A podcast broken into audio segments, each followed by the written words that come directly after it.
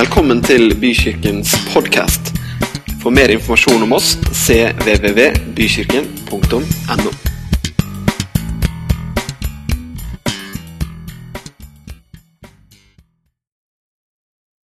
Jeg har jo noe på hjertet, da. Ja, det har du omtrent hver søndag, tenkte du nå. Men aller først, jeg har et par spørsmål. Og Du kan velge om du vil liksom snu deg til sidemannen eller ektefellen eller eh, en du har lyst til å bli kjent med. Og så spør jeg følgende. Eller så kan du sitte og tenke for deg sjøl eller notere på mobilen eller hva det er. Hva passer du aller best på? Altså, liksom for å hjelpe deg litt, da, Hva er det som virkelig ikke får stå ute i regnet? Eller som du absolutt ikke glemmer igjen? Og som du ikke lar andre bruke akkurat som de vil?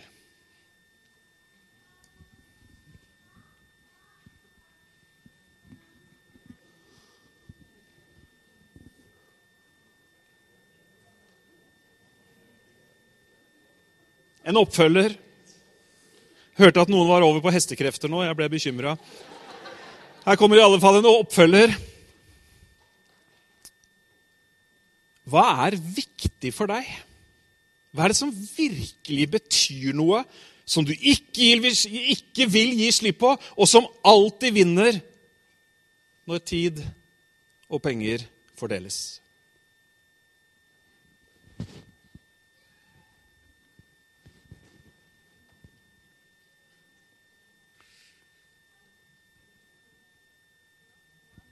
Det var mye dyp meditasjon nå. Og det er fine ting å meditere på det her, altså. Virkelig. Dere, jeg skal holde en liten andakt her i dag. Jeg ser på klokka og skjønte at det ble en liten andakt.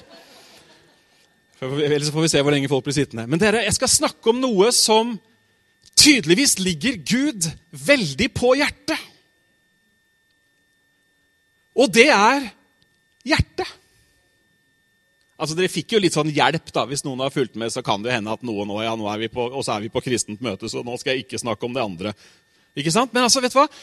Nærmere 600 ganger i Bibelen så omtales hjertet. Hjertet vårt. Og veldig mange av de stedene hvor ting eh, omtales, så er det snakk om Eller det er jo alltid snakk om mennesker, men det er snakk om mennesker som på en eller annen måte har en tilstand i hjertet sitt. Det fantastiske er jo at Bibelen sier at Gud, han ser til hjertet. Det står at mennesker, vi ser til det ytre, men Gud, han ser på hjertet. Og det er jeg veldig glad for, at det, er, at det, er, det han ser på. Er du også glad for at det er det han ser på? For mange har følt seg liksom litt sånn misforstått av omgivelsene noen ganger. Du har sagt et eller annet, og så var det et, altså du, du, du, du sa det, og idet du sa det, så hørte du formelig at det kom feil ut. Jeg, jeg rekker opp alt jeg har akkurat nå. Og så tenker jeg at da er jeg så glad for at Å! Måtte de liksom få tak i hjertet bak det jeg sier. Faktisk så er det sånn som pastor at den tanken er veldig høyt oppe hver gang jeg egentlig skal si noe. For noen ganger når man skal si noe til en menighet, og vi skal snakke om troen vår og dype ting osv., så, videre, så kan det være at noen liksom hører noe annet enn det jeg egentlig sier. Og da er håpet mitt alltid, og bønnen min til Gud hver en, ved hver eneste anledning, er måtte de få tak i hjertet i det jeg sier. Du vet, Det viktige er å få tak i hjertet i hva, Bibelen, i hva Bibelen egentlig sier. Hva er liksom grunntonen? Hva er hovedbudskapet? Ikke sant? Og du vet, Hovedbudskapet i denne boka er ikke det ytre. Så nå kan du liksom bare kansellere tiden foran speilet. Og det var jo mange sånne dilemmaer Hanne Kristin måtte svare på her, som hadde med det ytre å gjøre, men så kom heldigvis Gunnar over på dypere vann. Det var vi glad for. Men du skjønner at det, Som mennesker så ser vi på det ytre, men Gud han ser til hjertet. Med hjertet så tror vi til rettferdighet. Ja vel. Ok, Så hjertet er involvert liksom i, i, hvordan Gud ser på oss om vi er rettferdige eller ikke, om vi er uten synd? Ja, hjertet og bare hjertet. Vet du hva, Det hjelper ikke om livet ditt ser ut som en møbelkatalog fra møbelringen. Eller om du har alt på stell i, i siste mote, eller sånn og sånn det skal være. Gud, han ser til hjertet. Det er hjertet som er viktig. Og i Bibelen så er det mange mennesker, det er mange historier. Vi skal ikke ta alle de i dag, for da hadde vi sittet her en god stund.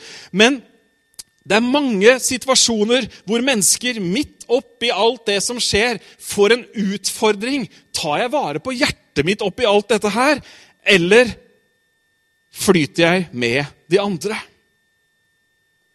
Det er sånn med hjertet at det kan vi styre. Hjertet er ikke en konstant indre verdi som bare Ja, hvis jeg bare kobler det på hjertet, så går alt bra. Det skal vi komme tilbake til litt seinere. Men det er faktisk ikke sånn i det hele tatt. Derfor så sier Bibelen Bevar ditt hjerte framfor alt du bevarer. Hvis det er én ting, sier Bibelen, som du skal passe på at har det bra og er i rette tilstand, så er det hjertet ditt. For livet går ut fra det. Det er altså en forbindelse mellom tilstanden i hjertet og livet du og jeg lever. Jesus han følger opp dette og sier, 'Hvor skatten er, der vil også deres hjerte være.' Han ber oss om å ta vare på hjertet. Hjertet er viktig. Men hvorfor ber han oss om å ta vare på det? Jo, fordi at hjertet er faktisk Man kan miste hjertet. Altså ikke, ikke, så lett å miste det som sitter her inne. Det sitter ganske godt fast i mye rart. Men altså, det hjertet vi snakker om Man kan faktisk miste hjertet i en, på en måte. I hjertet så opplever vi glede. Det ene øyeblikket, og så opplever vi knusende sorg i neste øyeblikk. Svik eller smerte. Bevar ditt hjerte framfor alt du bevarer. Du skjønner at Gud han er opptatt av deg og meg, og derfor så vil han at vi skal bevare hjertet vårt. Det står det at Herrens øyne farer over jorden for kraftig å støtte de som er helhjertet med Han. Gud vil at uansett hva livet byr oss, uansett hva omstendighetene eh, bringer, at vi skal bevare hjertet vårt. For Gud er opptatt av deg. Kan det være at det er noe Gud virkelig ønsker? Kan det være at dette er litt viktig? Siden det nevnes så mange hundre ganger, og siden det kommer igjen og igjen. Hjertet, det er tronen i livet vårt. Det representerer den vi egentlig er. Bibelen sier slik en mann eller slik et menneske tenker i sitt hjerte. Slik er han. Det er der, der hovedsetet er for følelser. For vilje, argumentasjon og samvittighet. Hjertet er vår sanne identitet. Eller sagt på en annen måte så er hjertet vårt innerste vesen. Den vi virkelig er. Har du noen gang opplevd at du har tenkt noe i ditt hjerte, og så umiddelbart etterpå arrestert deg sjøl for å tenke en sånn tanke? Ja. Og jeg har møtt meg sjøl i døra noen ganger og tenkt Hvordan kunne du tenke det om den situasjonen? Eller hvordan Er det greit at pastoren er litt ærlig her? Eller hvordan, hvordan, hvordan kunne du tenke at det var sånn det mennesket hadde tenkt? Eller om en eller annen situasjon? Er du med på det? Hvis jeg da hadde sagt at nei, fordi jeg tenkte det i mitt hjerte, ja, nei, men da må jeg jo da må jeg handle på det, da. Og så blir det liksom et eller annet bråk eller styr eller et eller annet av det. Ikke sant? Hjertet vårt. Hjertet kan ende opp i så mange ulike tilstander, om du vil.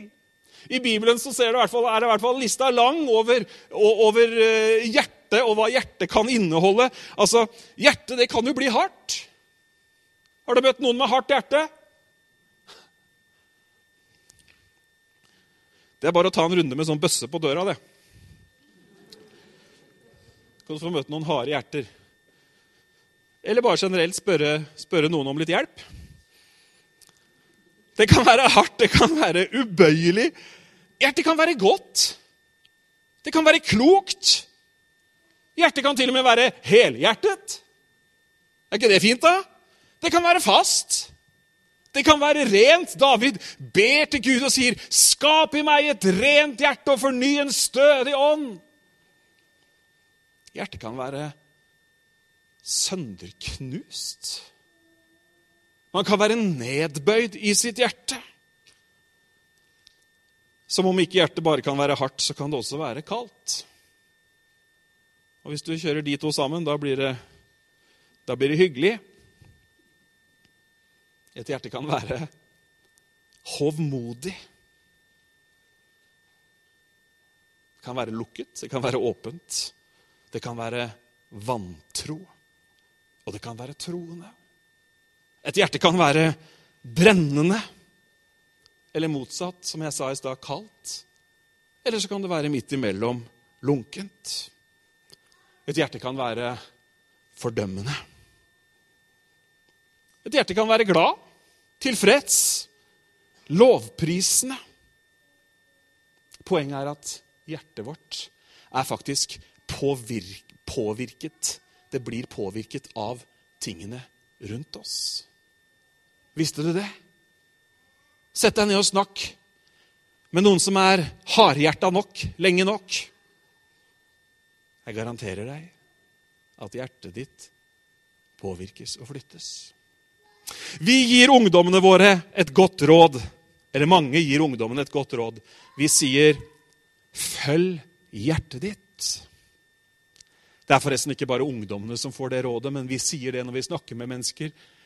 Følg hjertet ditt.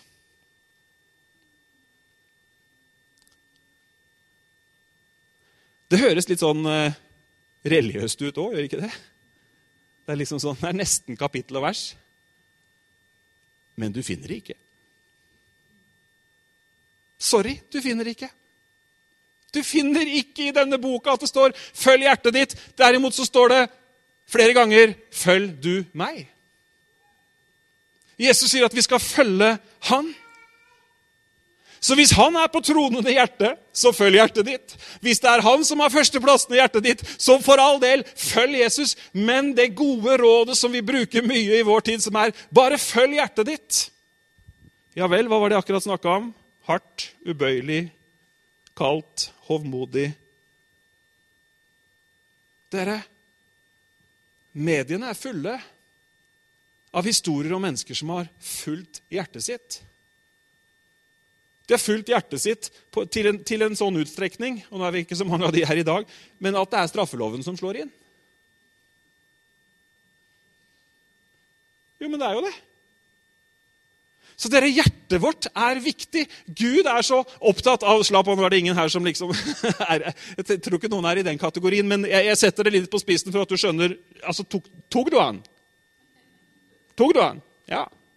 Altså, Det er noe med det at eh, å følge hjertet blindt altså at, at det liksom er livsmotto nummer én, det kommer an på hvilket hjerte du følger. Rett og slett. Virkelig. Det kommer veldig an på hvilket hjerte du har. Og hjertet det kan havne i ulike eh, konstellasjoner. Og Hvis du syns at jeg dro det langt nå, så kan du bare lese hva Jesus sier. Fra hjertet kommer, sier han. Og så har han hele listen av hor og da, da, da, da, da, da. Altså det, kan, det kan komme fra et menneskehjerte. Derfor er det så viktig at vi har et hjerte som er vendt mot Herren. Amen. Hjertet må bevares. Du og jeg, vi må passe på at ikke det kommer sånne ting inn i hjertet vårt som skaper en avstand til Gud eller til andre mennesker. Kanskje du har opplevd noen ganger også at noen mennesker har sagt eller gjort noe som har gjort at det umiddelbart skapes en avstand til den kollegaen. Eller avstand til den naboen.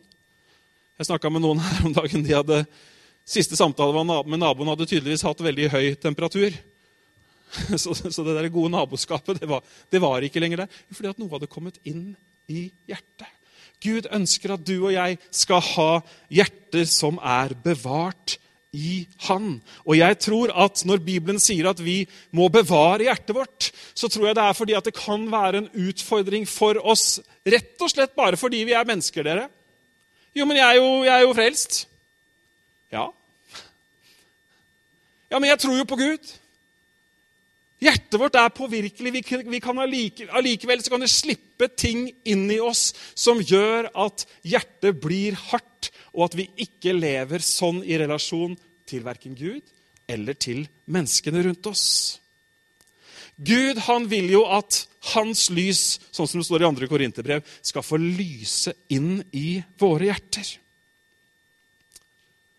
Han vil ikke at våre hjerter skal være selvopptatte. Han vil ikke at vi skal ha kalde, harde hjerter mot andre. At vi skal være grådige og stort sett bare tenke på det som har med oss sjøl å gjøre. Nei, han vil det motsatte. Han vil at vi skal ha et hjerte for de menneskene rundt oss. Vi skal lese en tekst i 5. Mosebok, og du får den på veggen, og vi kan lese den sammen. Nei, ja, der, vet du. Og vet du hva, Jeg er så glad for en ting når det gjelder Bibelen. Når det gjelder troen vår, så er jeg så utrolig glad for at ikke det bare er teori. Jeg er så glad for at det ikke bare er filosofi. Jeg er så glad for at når du ser på Jesu undervisning, når du ser på eksemplene i Bibelen, så er det alltid knytta opp med ekte liv. Ikke sant? Tenk på historien om Jesus. Hvordan, altså, altså, han, man, får han, han, som lurer på eh, 'Hvem er min neste?' ikke sant? Historien om den barmhjertige samaritan. Du, du kan historien? Han svarer på teoretisk nivå, og så får, får han utfordringen 'Gå du bort og gjør likeså'. Er ikke det fint, dere? At ikke vi har sånne teorisamlinger her, og så kommer vi til en ny teorisamling, men at vi kommer og møter en Gud som utfordrer livene våre til å være ekte liv i ekte hverdager, som påvirker menneskene rundt oss. Vi hørte om soldater her. altså Vi hørte om lys. altså Det er så viktig dette greiene her, at vi har hjertene våre myke. Og her er det en historie. Om det er en fattig blant dine landsmenn i en av byene i det landet Herren din Gud vil gi deg. Interessant, det er jo Gud som har gitt landet, tydeligvis. Da skal du ikke være hardhjertet og lukke hånden din for, for din fattige bror. Nei, du skal åpne din hånd for han og låne ham alt det han trenger. Vokt deg, for denne, vokt deg så denne onde tanken, eh, så ikke denne onde tanken slipper til i ditt hjerte. Oi, ja, Det var noen vonde tanker i hjertet der òg, gitt. Nå nærmer det seg det sjuende året, altså dette jubelåret, ikke sant? ettergivelsesåret. Så ser du med uvilje på din fattige bror og gir ham ikke noe. Han kunne rope til Herren og klage over deg, og du blir skyldig i synd. Gi ham villig, og ha ingen onde tanker i hjertet ditt når du gir, for når du gjør dette, skal Herren din Gud velsigne deg i alt ditt arbeid og alt du gjør med dine hender. Det å være raus, det å ha et hjerte mot vår neste, det er noe som avspeiler og reflekterer forholdet vårt til Gud. Det å møte behov, det å møte situasjoner med vennlighet, med raushet. Ikke hardhjerta, eller ikke med en lukket hånd, ikke med en ond tanke. 'Ja, ja, ja, så må jeg vel det.' Eller 'nei, jeg vil ikke allikevel'. Men snarere tvert imot. Det forløser en velsignelse over livene våre. Ofte så kan vi tenke i forhold til det å vise raushet Vi får ta noen sekunder på det. I forhold til det å være gavmild og givende osv. Ofte så er vi veldig selvopptatt, og vi tenker på meg og mitt og mine. Nei, ikke du, men jeg gjør det. Noen ganger. Ikke sant? Vi, vi, vi, vi er, er, gode på å tenke 'What's in it for me?' Vi er gode på å, å sikre oss sjøl først og fremst. Men dere vet hva? jeg tror at Bibelen har et budskap om en raushet som kommer til å forvandle menneskene rundt oss hvis de, hvis de opplever den. Hørte du hva jeg sa? Jeg tror Bibelens budskap er så det er så raust at, at, at, hvis vi tar det inn over oss, så kommer det til å virkelig forandre verden rundt oss helt holdt på å si ubeskrivelig. Den samme rausheten som Gud viste oss, hva gjorde han fordi han elsket? Fordi han elsket oss så høyt, så gav han sin eneste sønn.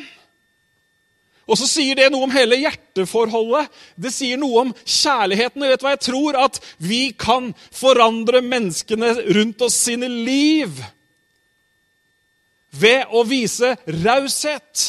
Ta fram neste bibelvers som vi finner i Lukas 6. Og Det ene verset der vet du, det er sånn, det er sånn kollektprekenvers, men nå vil jeg at du skal se litt mer. Der står det ikke sant, Eh, gi, i vers 38, gi, så skal dere få. Et godt mål, eh, sammenristet, stappet og breddfullt, skal dere få i fanget. For i det målet dere selv måler med, skal det også måles opp til dere. Men du skjønner at dette står i en sammenheng.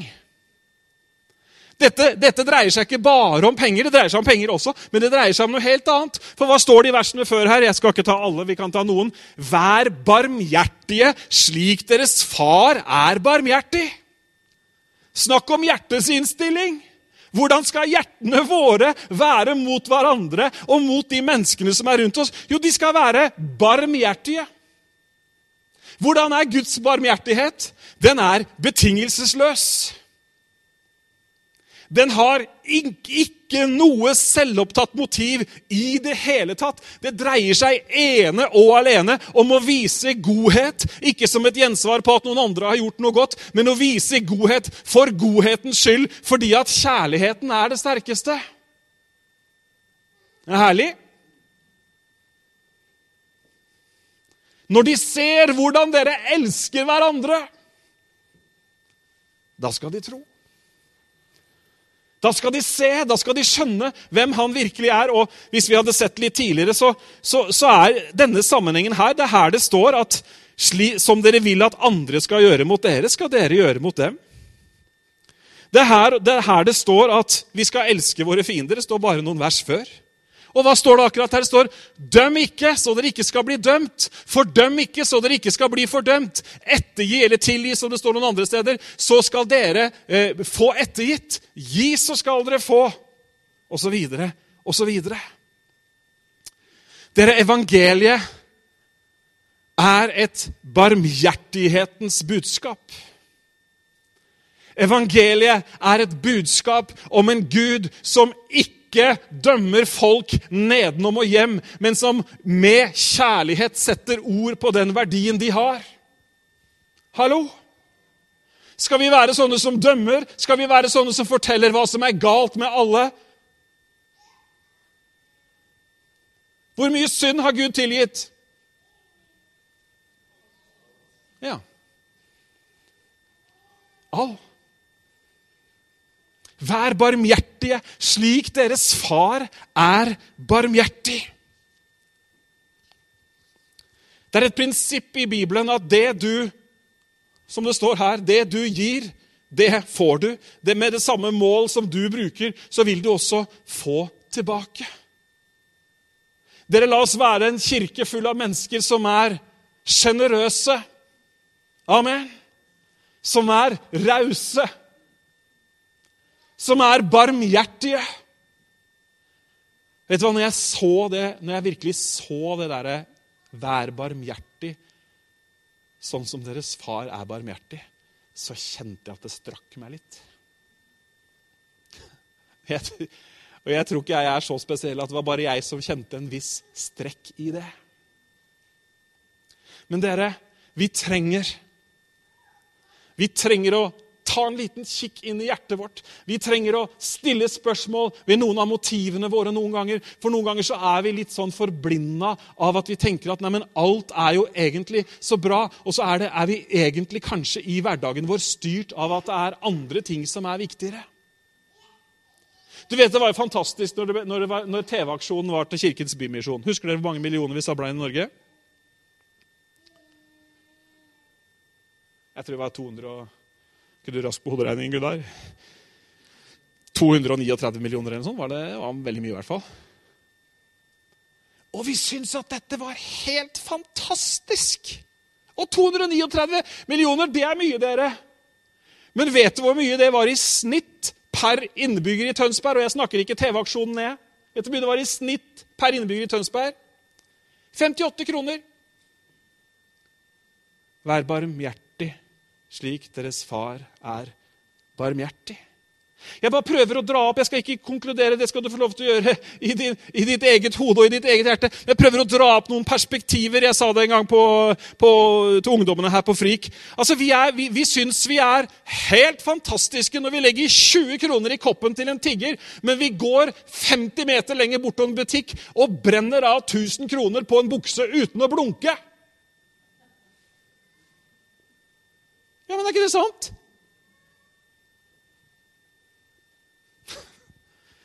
Jeg ser at jeg skal bruke den døra når jeg går ut i dag. If looks could kill, liksom. Nei da, men dere, vi må jo snakke litt sant. Vi må jo utfordre oss litt. Grann, fordi at dette her dreier seg om livet vårt. Vet du hva, Jeg vil ikke ende opp som en eller annen sånn der grumpy old guy som liksom har, har gjort én ting i livet, og det er å samle til meg sjøl og mine.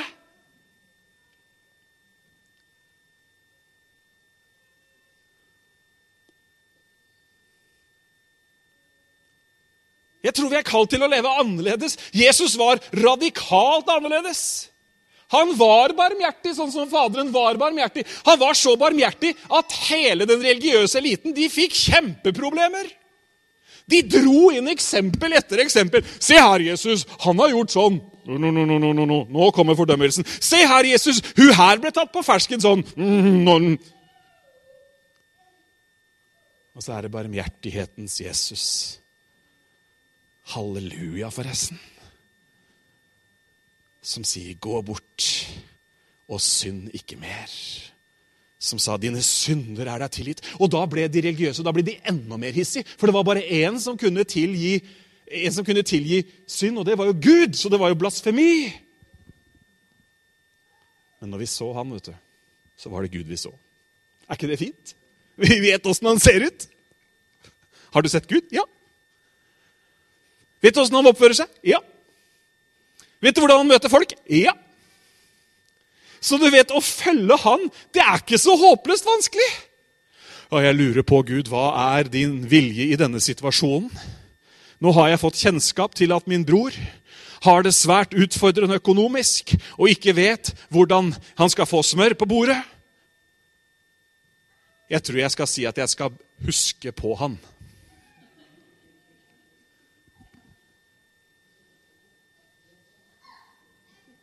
Ja, eller be for han, da. Den var litt bedre, i hvert fall. Men den holder ikke, den heller, hvis du tar Bibelens ord på alvor. Den holder ikke i det hele tatt. For hvis det er det du svarer, og hvis det er det jeg gjør, da sier det noe om at hjertet mitt er way off.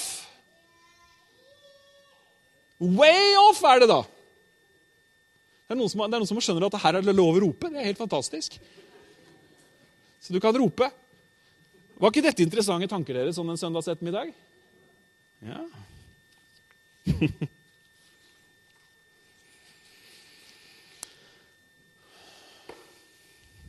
Det utfordrer. Det utfordrer eh, velstanden vår. Det utfordrer, sta, det, det utfordrer eh, prioriteringene våre. Det utfordrer egentlig hele livet. Vær barmhjertig, sånn som jeg er barmhjertig.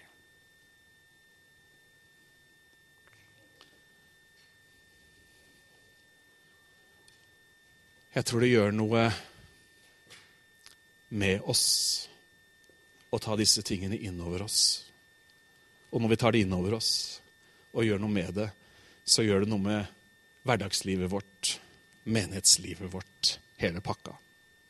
Stian og gjengen, kan ikke dere komme?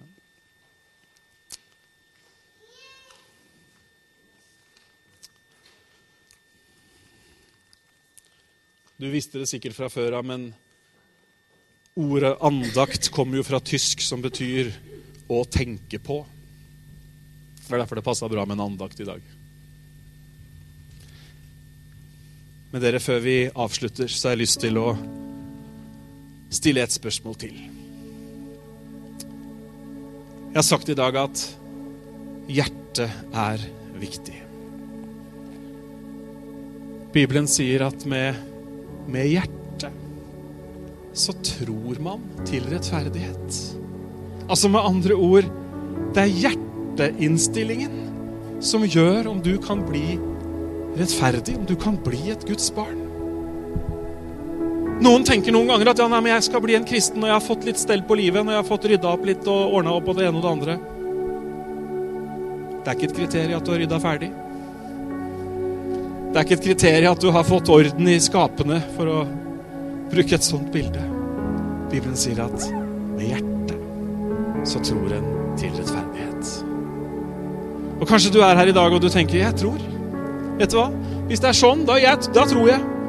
Så sier Bibelen at med hjertet så tror du til rettferdighet. Og så bekjenner du med din munn til frelse. Da er du et Guds barn. Å ja, så jeg skulle ikke polere alt først? Nei.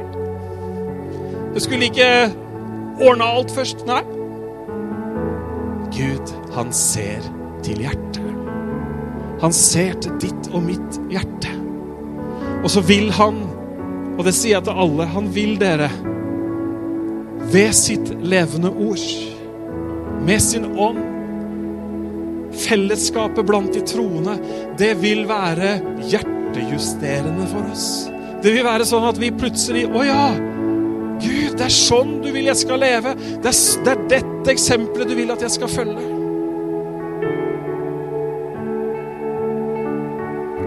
Du som ønsker å ta et valg i dag og si, vet du hva, jeg tror. Du kan få lov til å bekjenne det. Gi, vise det ved å rekke opp en hånd, så skal vi be sammen.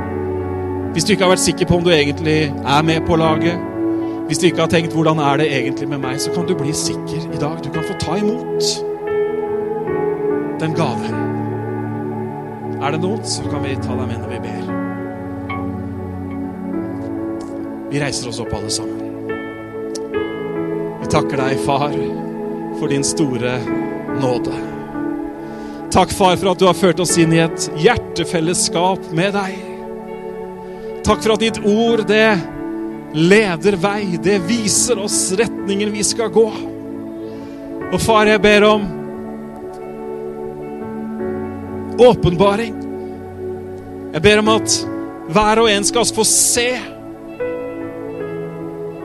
enda tydeligere hva vil det si å følge deg? Hva vil det si å gå i dine fotspor og være sånne som bringer de gode nyhetene til vår tid og vår generasjon? Be for fellesskapet vårt her.